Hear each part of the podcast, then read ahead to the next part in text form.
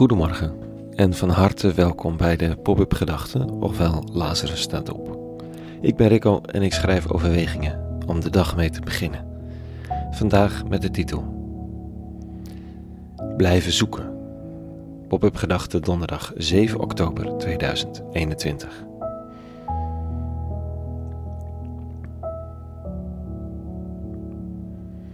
Dat zoekende van jou, hè? Zo zeggen sommigen dan tegen mij. Wanneer heb je het nou gevonden? Ze worden er een beetje onrustig van. Want waar ga je dan terechtkomen als je blijft zoeken? En kun je niet een keer rust vinden in dat je het gevonden hebt? Dat je gewoon zeker weet, nou, bijvoorbeeld God bestaat, voor je zorgt en dat Jezus voor je zonde is gestorven. Ik noem maar wat, zeggen ze dan.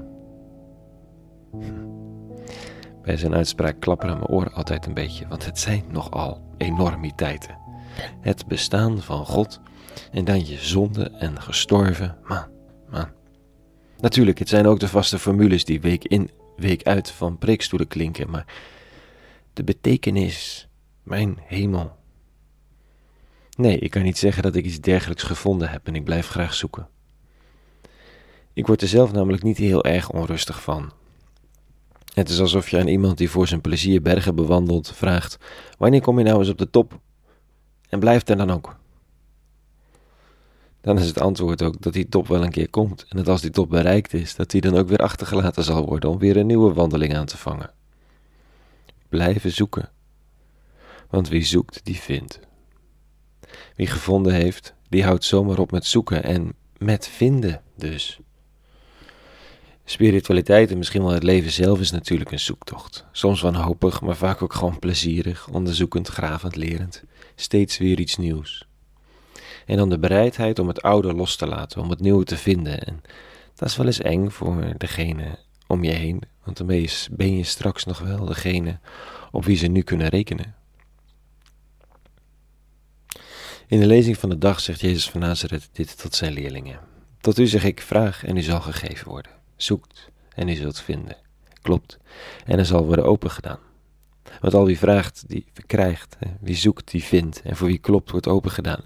Is er soms onder u een vader die zijn zoon een steen zal geven als deze hem om een brood vraagt? Of als hij om vis vraagt, zal hij hem toch in plaats van een vis geen slang geven? Of als hij een ei vraagt, zal hij hem toch geen schorpioen geven? Als u dus, ofschoon u slecht zijt, goede gaven aan uw kinderen weet te geven, hoeveel te meer dan uw vader in de hemel? Hoeveel te meer zal dan uw Vader in de hemel de Heilige Geest geven aan wie hem erom vragen. Of dat slecht over ons zo vierkant staat als dialect, dat betwijfel ik. Het beeld is in elk geval helder. Wie onbeschaamd blijft zoeken, peuren, vragen, verkennen, zal vinden. Ook wel belangrijk om het laatste zinnetje erin mee te nemen, anders krijgen we de verwarring dat wie mij bidt en smeekt om een huis, een parkeerplaats, een nieuwe auto, een vriend of vriendin of een nieuwe baan, die wel zal krijgen als je er maar in gelooft. Dat is natuurlijk niet waar. JC zegt hier dat je de geest krijgt, begeesterd, geïnspireerd. Dat. Wie zoekt zal inzien, wie vraagt, zullen de ogen opengaan. Wie hoopt en verlangt, zal de begeestering krijgen. Wie ervoor gaat, zal inspiratie ontvangen. Inspiratie in spiritus. De geest binnenkrijgen. Er wordt weinig beloofd aan materiële vooruitgang of aan het leveren van verlangde goederen, dan wel gehoopte resultaten. Wat beloofd wordt is een geest. Een inzicht, een influistering, geopende ogen, gedreven harten. De geest die ook in de man van Nazareth woont. De man die alles aanleek te durven, maar terugschrok voor zijn executie. Hij smeekte om die niet te hoeven ondergaan. Maar kreeg de geest om die wel te kunnen ondergaan. Oftewel, geen prosperity gospel hier. Of als je er maar in gelooft, dan krijg je het wel. Wel, begeestering, hoop, geloof, liefde. Laten we in godsnaam blijven zoeken en vieren als er iets gevonden wordt, om dan weer verder te zoeken, opdat we steeds weer met nieuwe ogen, nieuw begrip en een nieuwe geest verder gevoel krijgen voor wat het leven geeft en vraagt, in verbinding met de ander, met de wereld en met de eeuwige zelf. Tot zover vanochtend.